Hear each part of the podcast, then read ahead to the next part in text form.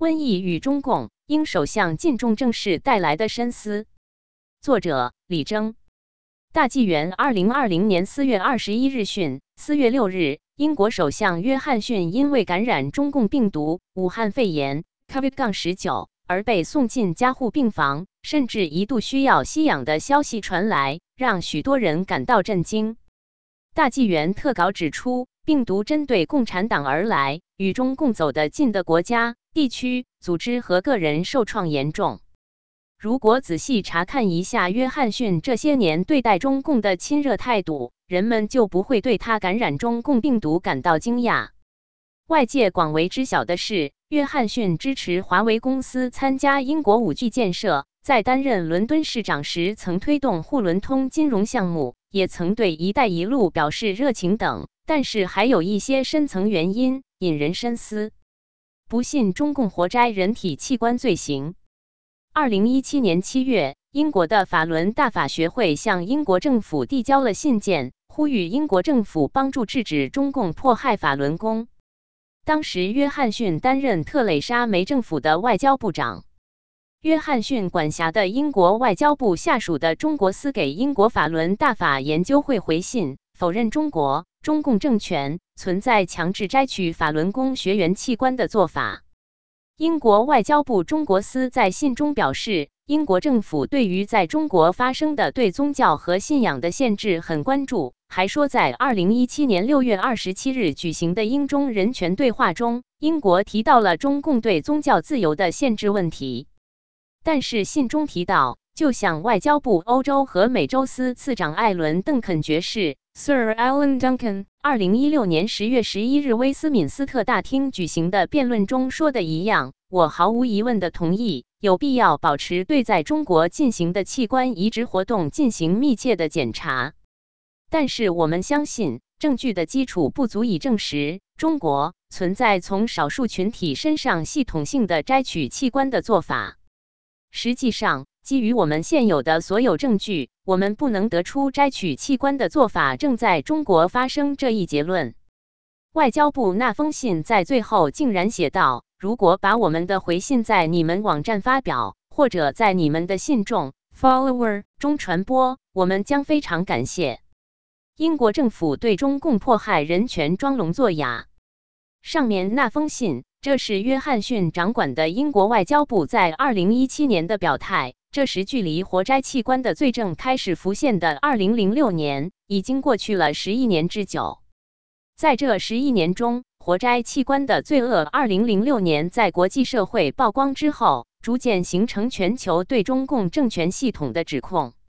美国、欧洲、澳洲等主流媒体纷纷报道关注活摘案例，也被收录于联合国及美国官方多份人权报告中。多家国际团体和医学界要求展开独立调查，但是英国政府却表示不相信。例如，二零一六年六月十三日，美国国会众议院全体通过三百四十三号决议案，要求中共立即停止针对法轮功学员和其他良心犯的强摘器官行径。决议要求中共立即停止对法轮功已持续十七年的迫害，立即释放所有法轮功修炼者和其他良心犯。决议还要求对中共器官移植系统进行可信、透明和独立的调查。二零一六年七月，欧洲议会通过了零零四八二零一六号书面声明，要求中共立即停止从良心犯身上强摘器官。并要求组成调查团队，这一反人类罪行进行独立调查。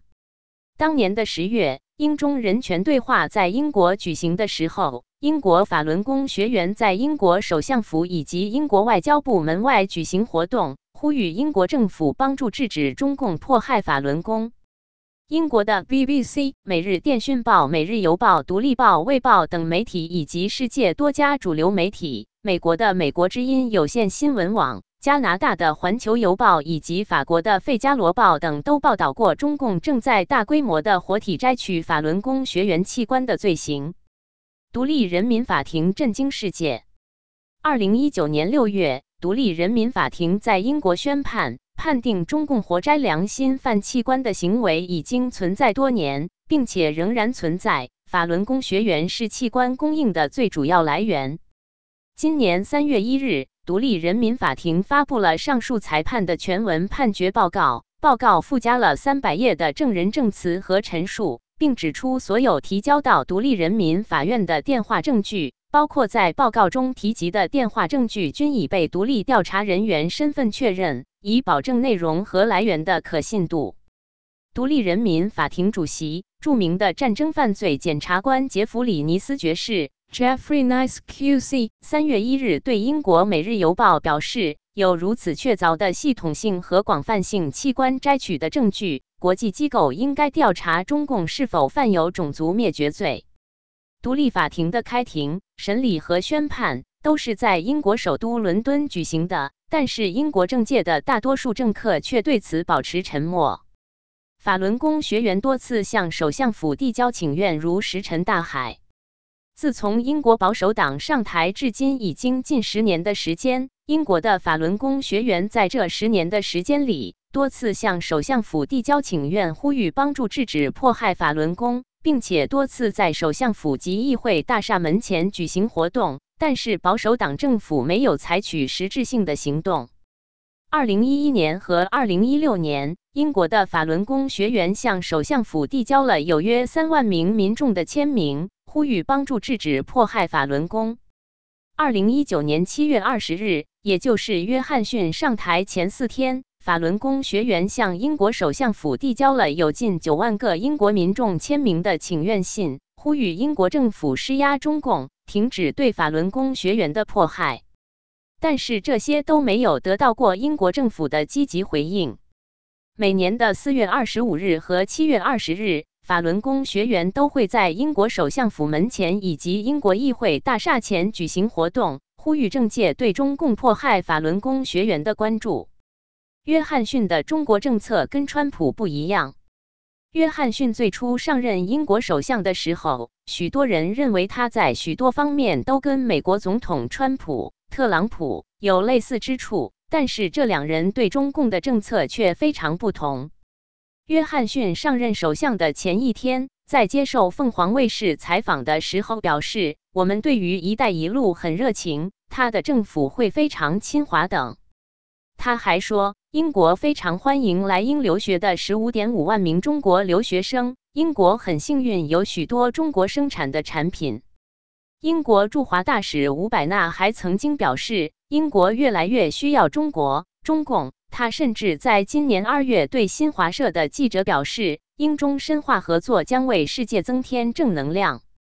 然而，在经历了此次大瘟疫流行、中共掩盖疫情以及大外宣欺骗宣传后，英国民众和不少政治人物在惨重的疫情苦果中开始清醒。共产制度下的中国政府为权力不择手段，虽有金钱开道，但绝不是一个有担当和可以合作共荣的伙伴。